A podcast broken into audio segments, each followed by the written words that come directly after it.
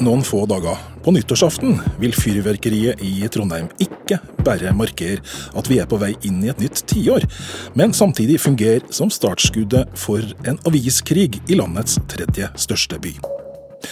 For fra og med årets siste dag vil landets eldste avis, Adresseavisa, konkurrere med landets yngste avis, Nidaros.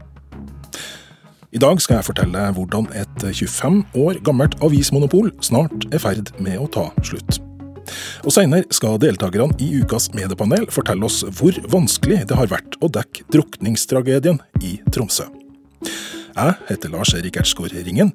Velkommen til mediemagasinet Kurer.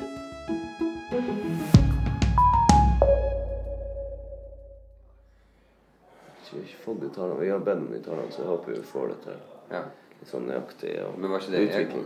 Hmm? Var ikke det Egon? Egon som er der oppe. Tror du de vil gi ut? De er allerede i ferd med å lage avis, redaksjonen i Norges yngste avis, Nidaros. Arne Reginiussen er ansatt som redaktør i den nye digitale avisa, og har kommet til Trondheim denne uka for å starte ei ny avis. Ja da, det er mye som skal på plass. Eh, starte opp eh, ny avis, og det er både lokaler og det er eh, nye folk som kommer hit, og det er saker som skal hentes inn. Og så det er full fart. Eh, Vårt mål er vi skal være en, eh, en sprek, litt sprekere avis for, eh, for, Trondheim by. Det er liksom det som er mandatet. Og vi kommer til å både jobbe med å sette dagsorden, og det vet vi at vi kommer til å klare. Vi har veldig dyktige journalister som er gode på akkurat det. Eh, vi skal være gode på hendelser. De skal få kjenne at det blir konkurranse om å være først. Det, det tror jeg Adressa skal merke. Hva tenker du om den konkurransen? Nei, Jeg syns det er flott. Jeg liker veldig godt eh, konkurranse, så jeg har konkurranseinstinkt. Så, så vi er veldig klar for å, for å, bite godt fra oss, altså. Norges tredje største by er altså på vei inn i en aviskrig etter at Adresseavisen har hatt tilnærma avismonopol i 25 år. Det at avisa Nidaros sin redaksjon flytter inn rett overfor Adressas redaksjon på den andre sida av Nidelva, kan oppfattes som ganske så symbolsk. Ja da, det er ikke så langt imellom, så vi håper de eh, får med seg der over, eh, over elva at, eh, at, vi er kommet. Så er det vel vi som sitter på rett side av elva. på den andre sida av elva reagerer sjefsredaktør Kirsti Husby i Adresseavisa sånn på nyheten om at de snart får konkurranse. Jeg tenker at det er, det er fint å, å, få konkurranse. Det, det, setter vi pris på. Uh, vi opplever at vi har vært i, i god konkurranse tidligere òg. Eh, så vi har konkurrert både mot, og vi konkurrerer mot både NRK, uh, VG osv. Og, og så har vi jo hatt noen som har prøvd seg lokalt tidligere òg. nei, så det blir spennende. jeg tenker det er bra for mediemangfold at det er flere. Så så det ser vi frem til. Arne Reginiussen, som altså er ny redaktør i avisa Nidaros, er i ferd med å ansette tolv journalister i første omgang. Ja da, altså det har, eh, har, gått veldig fint. Jeg har jo ikke vært borti sånne interesser. Altså det har eh, kommet telefoner eh, til alle døgnets tider. Vi har vel Nå lyster vi jo ut fire stillinger. Vi har jo tilsatt noen allerede før det. altså Denne runden hadde vi fire. og vi er vel oppe i 40 søkere der, så det har vært veldig stor interesse. Veldig mange er motivert for å ta fatt på det her. Også på den andre sida av elva oppbemannes redaksjonen i Adressa akkurat nå, forteller sjefsredaktør Kirsti Husby. Vi har lyst ut ti journaliststillinger. Eh, I går, faktisk. Eh, så det blir jo også en spennende rekrutteringsprosess framover. Er det pga. Eh, Nidaros, eller er det bare tilfeldig? Eh, vi har jo jobba en eh, god stund eh, med en strategi rundt det å på en måte styrke satsinga i Trondheim og randkommunene. Og så er det klart at når vi nå fikk en konkurrent, så har vi speeda opp noe av de tiltakene som, som vi hadde tenkt å sette i gang uansett. Så vi har nok gjort det litt fortere enn det som, som var planlagt. Men eh, sånn utover det så, så, henger det godt sammen med den strategien som vi har lagt for en stund tilbake. Men hva syns innbyggerne i Trondheim om at Adressas avismonopol snart er brutt etter 25 år? Jeg tok meg en tur ut på gata for å spørre folk. Altså Det er bra at det er flere aviser i byen. At, Eh, Det skjerper konkurransen litt. Men de har jo ganske mye å stå opp imot, da. Det har jo blitt forsøkt før med arbeideravisa. Og den holdt jo ikke lenge. Kommer du til å prøve deg som eh, abonnent, eller? Nei, du skal ikke se bort fra det, for å si det sånn. Det kan være fornuftig. Hvorfor er det fornuftig? Jo, all konkurranse er bra. Så det, det hever bare standarden generelt. Må skjerpe seg da, vet du. Om en liten måned så starter A-media ny avis i byen. Ja. Sånn at det blir konkurranse for adressa for første gang på 25 år. Hva tenker du om det? Det tror jeg er bra. Men eh, i og med at det er elektronisk, så tror jeg det kan gå bra. Papiravis tror jeg hadde vært døden. Men eh, adressa er en tøff konkurranse. Ja da, de er jo blitt veldig kommersielle etter hvert, syns jeg, da. Men eh, det, sånn er det. Jeg er en gammel mann. Nei, det er bra for at det blir litt mer bredde, og det blir mer konkurranse. Det er bra i media. Eh, Trondheim hadde ca. Jeg tror det var fem aviser etter andre verdenskrig. Og det har jo vist seg at eh, Adressa spiser opp eh, det som er. Så det er positivt. Men det forutsetter jo selvfølgelig at det er, en, eh, at det er et bra produkt. Veldig bra. Så jeg har bare prøvd å finne ut hvordan jeg kan abonnere. Jeg har ikke funnet det ut ennå, men at det kommer en konkurrent, veldig bra. Hvorfor er det bra? Nei, vi trenger altså, en stor by med én avis. Det er, for, det er jo for lite. Eh, eh, i, til og med når jeg bodde i Kristiansund før, det var jo to i hvert fall, i lille Kristiansund. Nei, vi trenger mangfold. Jeg skal tegne abonnement så fort jeg finner ut bare hvordan jeg skal gjøre det. Anders Oppdal er konserndirektør i A-media og har ansvaret for avisa nord for Bergen. Han forteller at deres aviser danner et kystbelte, som til nå har hatt et hull i Trøndelag. Nå som A-media satser i Trondheim, er de opptatt av å bruke nok ressurser for å sikre at det her blir en suksess, forteller han. Altså, jeg tror Det er viktig å huske på hva Amedia er for noe. Amedia er i dag en stiftelsesbasert eh, virksomhet. Et um, konsern som har et eh, eksplisitt formål om å utvikle lokaljournalistikken og bidra aktivt til mediemangfold. Det er ikke tull engang, det er faktisk eh, det vi er til for. Og jeg tror det er i den konteksten du må se på både denne satsinga og andre satsinger vi gjør. Vi ønsker aktivt å bidra til et eh, bredere og rikt ordskifte rundt omkring i, landet. og av de store byene eh, i Norge, så jo, har jo Trondheim vært unik. Eh, hvor Adresseavisen har vært eh, alene i markedet i, i, svært mange år. Og for oss så fremsto, fremstår det eh, litt unaturlig. Eh, Sjøl er jeg jo fra Tromsø og har jo stått i en skarp eh, konkurranse med, med Polaris i Tromsø der oppe i mange år, da jeg var sjefredaktør i Nordlys. og og jeg vet jo hva det, hva det gjør med mangfoldet og uh, den lokale debatten. Uh, likeledes kan du si en av andre mindre byer som Skien har to sterke, to, to sterke, konkurrenter. Bergen har sterk konkurranse. Det er konkurranse i Stavanger, men, men det er altså ikke konkurranse i Trondheim. og i et sånn mediemangfoldsperspektiv, eller i et, altså i et, i et demokratiperspektiv, så, så, tror jeg genuint på at det er et, og via media tror genuint på at det er rom for, for en alternativ stemme i, i, det som er Norges tredje største by. Men det å konkurrere mot uh, Norges eldste avis, det blir ikke enkelt? Altså, jeg vet ikke om alder nødvendigvis er et konkurransefortrinn. Det er jo kvaliteten på journalistikken som til syvende og sist uh, skaper vekst og og, og utvikling. Eh, og bevare meg vel, Adresseavisen gjør utrolig mye bra. Dette er jo Vi skal jo, vi skal jo opp og konkurrere med en av landets virkelige kvalitetsaviser. Men eh, det er jo ikke en rendyrka lokalavis, eh, og det er det vi går til verks med her. Vi, vi, kommer ikke til å eh, skrive om, om, forhold som skjer i omlandet rundt Trondheim. Vi kommer til å satse på Trondheim kommune. Så det blir et veldig, veldig tydelig verdiforslag vi kommer med, hvor Adresseavisen har en langt mer spredt, eh, spredt markedsposisjon, eh, som er da en, en, styrke, men som også gjør det mulig å, å kunne lage mer rendyrka lokalaviser. Og, det, og, de møter jo på lokal konkurranse til en viss grad, i hvert fall, andre, i andre mindre, mindre steder. Så da tenker vi at det også er rom for å gjøre det i det største markedet i Trøndelag.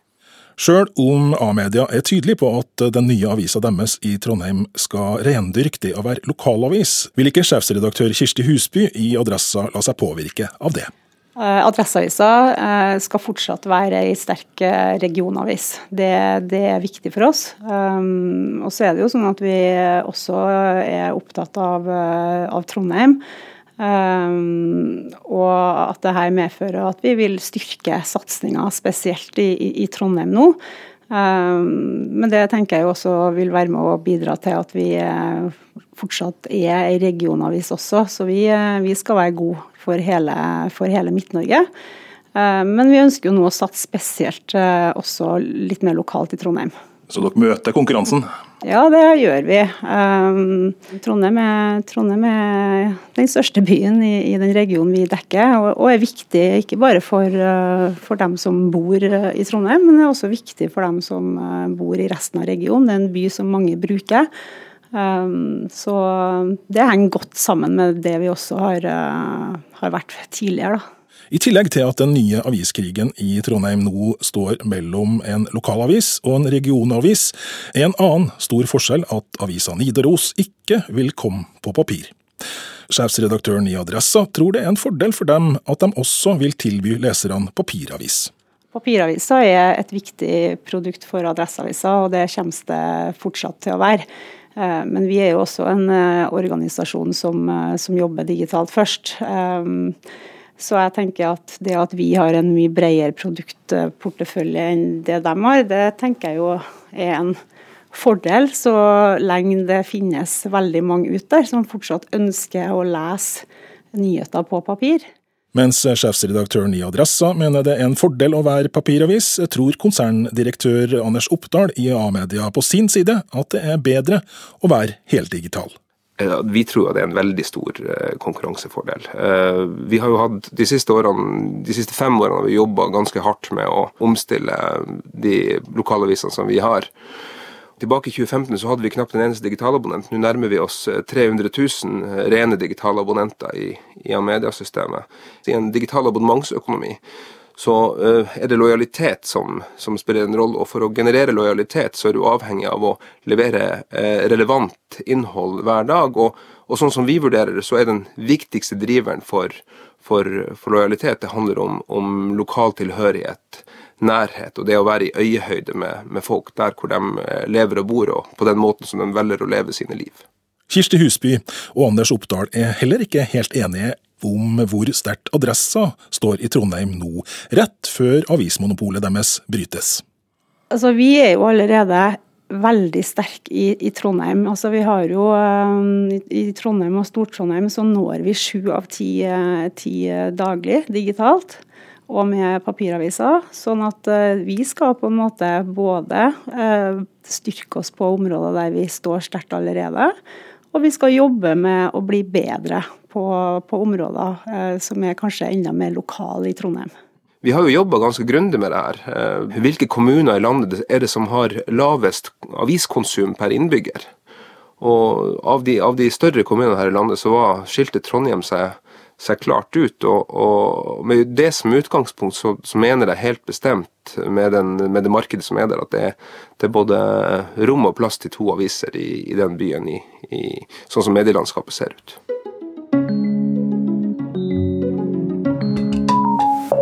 Du hører på NRK P2 og mediemagasinet Kurer, hvor du i den første halvdelen av programmet har fått høre at det brygger opp til aviskrig i Trondheim. Og vi har tatt med oss denne nye medieduellen videre nå, når panelet møtes for å gi oss et innblikk i de utfordringene en av ukas største mediesaker har gitt eh, redaksjonene. For Arne Reginiussen, som er ny redaktør i avisa Nidaros, eh, som du hørte i starten av programmet, er med oss i studio. Og det er også kommentator Terje Eidsvåg, som representerer konkurrenten på den andre sida av Nidelva, Adressa. Og Den saken vi skal se nærmere på i dag, er den dramatiske drukningstragedien i Tromsø, hvor ei kvinne i 20-åra og hennes tre små barn ble henta opp av sjøen mandag kveld. Pål Hansen, du er reporter i NRK Troms, og var på jobb mandag kveld. Hva var det egentlig som skjedde? Nei, det var jo Alarmen gikk. Vi røk ut til et boligområde i Tromsø. Der pågår det en stor leteaksjon. Eh, og vi skal eh, på direkten få minutter etterpå og rapportere om det som skjedde. Og Der ble det leita etter mennesker i havet, og vi fanga fort at det var plukka opp fire, ei kvinne og tre. Og du visste egentlig ikke så fryktelig mye i starten? Nei, når vi står her i starten, så er politiet veldig tilbakeholden med informasjon. Eh, men vi står såpass tett på at vi fanger det. Så i løpet av denne dagsrevytida fra vi først er inne til vi skal inn på avslutningen av Dagsrevyen, så vet vi atskillig mer. Og må der og da gjøre noen, noen etiske valg. Hva sier vi? Kan vi si alt vi vet? Og, og, og, det kan vi selvfølgelig ikke, fordi vi er nødt til å ha ting bekrefta. Vi kan ikke bare videreformidle alt vi hører som blir snakka rundt oss. Du, Vanligvis så vet jo vi journalister mer om en sak enn det vi publiserer. Hvordan har det vært i denne saken? Nei, denne saken har det jo egentlig ikke vært sånn. Eh, vi har visst eh, forholdsvis lite og brukt mye tid på å prøve å skaffe oss eh, informasjon og kunnskaper. Politiet har holdt kortene tett, og det er nok ikke tvil om at politiet også det første døgnet visste ganske lite. Så det er jo på mange måter litt uvanlig, for ofte i kriminalsaker så vet vi fort mer enn det som nødvendigvis formidles videre av hensyn til etterforskning og, og, og, og sånne ting. De fire som ble ramma av tragedien er fra det sudanske miljøet, og, du har fortalt meg at eh, det har gitt deg noen utfordringer knytta til kulturforskjeller? Ja, det er jo ofte sånn i en eh, kriminalsak som vi, som vi jobber med journalistisk, så, så, oppsøker vi jo de miljøene folk kommer fra. og eh, Arbeidskollegaer, venner Eh, I dette tilfellet her så er det ikke så enkelt. Det er f.eks. ikke sånn at du skaffer deg telefonnummeret til kvinner fra Sudan som bor i Troms og bare ringer henne. Eh, fordi at de kommuniserte i stor grad med omverdenen via, via sine menn. Mens det som kanskje var interessant her, var jo nettopp å komme i kontakt med disse kvinnene som har hatt tett kontakt med, med, med, med denne dama i 20-årene, som, da er tiltalt for å ha drept eh, to barn og, og, og drapsforsøk på ett.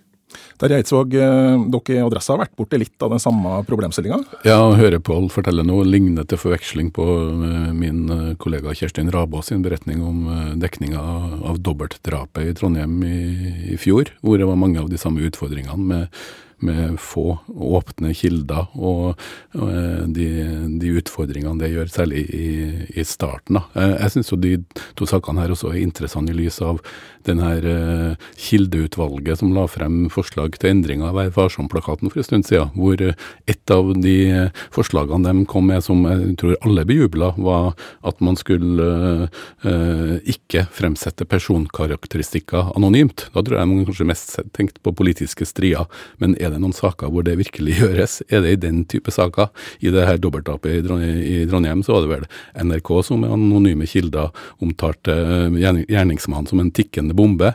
Eh, jeg har sett på, på, på dekninga av saken her, eh, med et unntak av Dagbladet som vel bare hadde en nabo som kilde på at hun her kvinna måtte ha vært en stein hvis hun hadde gjort det her.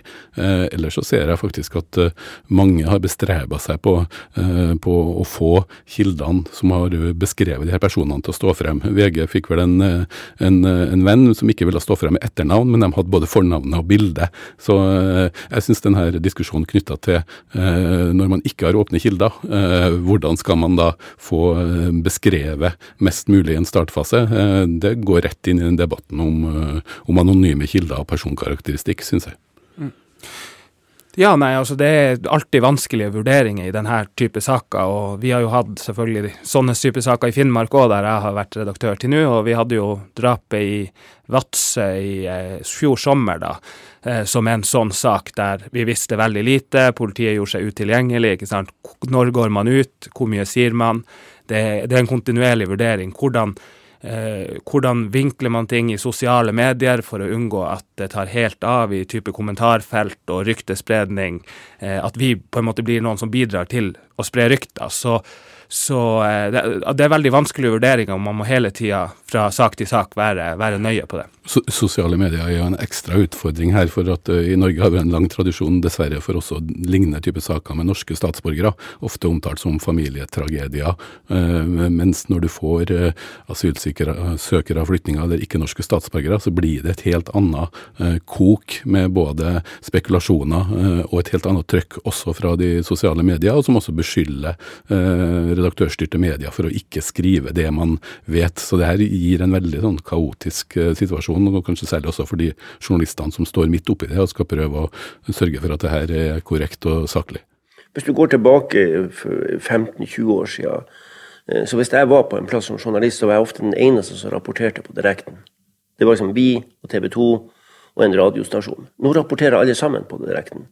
Og det gir en del utfordringer i forhold til at du kan ikke spole tilbake. Du kan ikke. Altså, så, så liksom de etiske utfordringene når du står der og, og rapporterer på direkten, blir ekstra stor fordi at det skjer på direkten.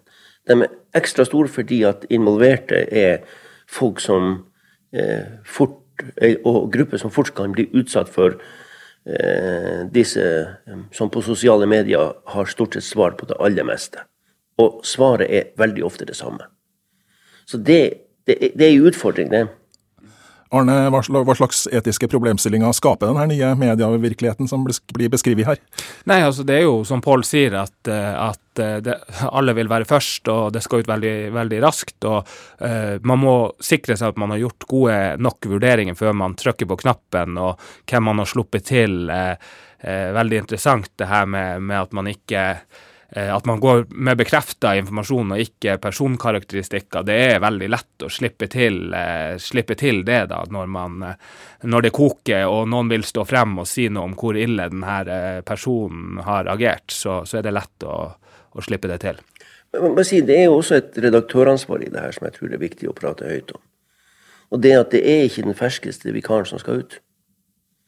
Når, det, når sånne saker tar løs, så skal de mest erfarne journalistene ut og fronte saken for mediehuset. Fordi at de har mest erfaring på å gjøre de etiske vurderingene der og da. En annen problemstilling i sånne saker det er jo at man ofte står eh, overfor personer som er i sjokk og skal ha informasjon ut av dem. Hvordan skal man takle det? Erfaringa fra den eh, dobbeltdrapssaken i Trondheim i alle fall er at man må ikke slippe sånne saker og bruke tid og prøve å få tak i I det tilfellet så fikk vel min kollega innsyn i journaler også, og at man over tid, kanskje mange måneder etterpå, klarer å sette sammen og fortelle eh, mest mulig eh, av den historien. Og det kan faktisk være vel så sjokkerende som, eh, som eh, akkurat de her hva skal jeg si, livesendingene hvor, hvor Pål og andre står i uvær være og fortelle, og egentlig ikke kan si så mye, men du aner dramatikken. Men også medias eh, ansvar for å prøve å fortelle hva var det som skjedde, og, og også prøve å eh, klarlegge noe av årsaken. Eh, det er faktisk viktig å ikke slippe sånne saker. Men, men Arne, det er viktig å være først? Ja, selvfølgelig er det viktig å være først. Men det, så, altså, det viktigste er jo å være korrekt og, og, og, ikke gå for langt. For det er akkurat som, som Pål sier her, vi kan aldri spole tilbake. og Du kan kanskje fjerne en setning fra en artikkel artikkel, men noen har fått det med seg og har en skjermdump, og det er ute der når det er lagt ut. Så, så det er en balansegang. Det er viktig å være først, men, men man må ha gjort en, en god uh, vurdering.